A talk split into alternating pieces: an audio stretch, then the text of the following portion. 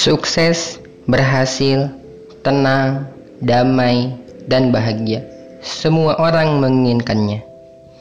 Untuk menuju kesuksesan, kebahagiaan, dan ketenangan hidup, kita perlu terlebih dahulu mengenali diri. Dari mana, untuk apa, dan mau ke mana kita. Barang siapa yang mengenal dirinya, sungguh ia telah mengenal Tuhannya.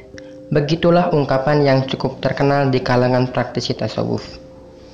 Di podcast Jendela Diri, kamu akan mendengarkan tips, diskusi, dan wawancara yang berkaitan dengan upaya untuk mengenali diri dan membuat diri ini lebih baik.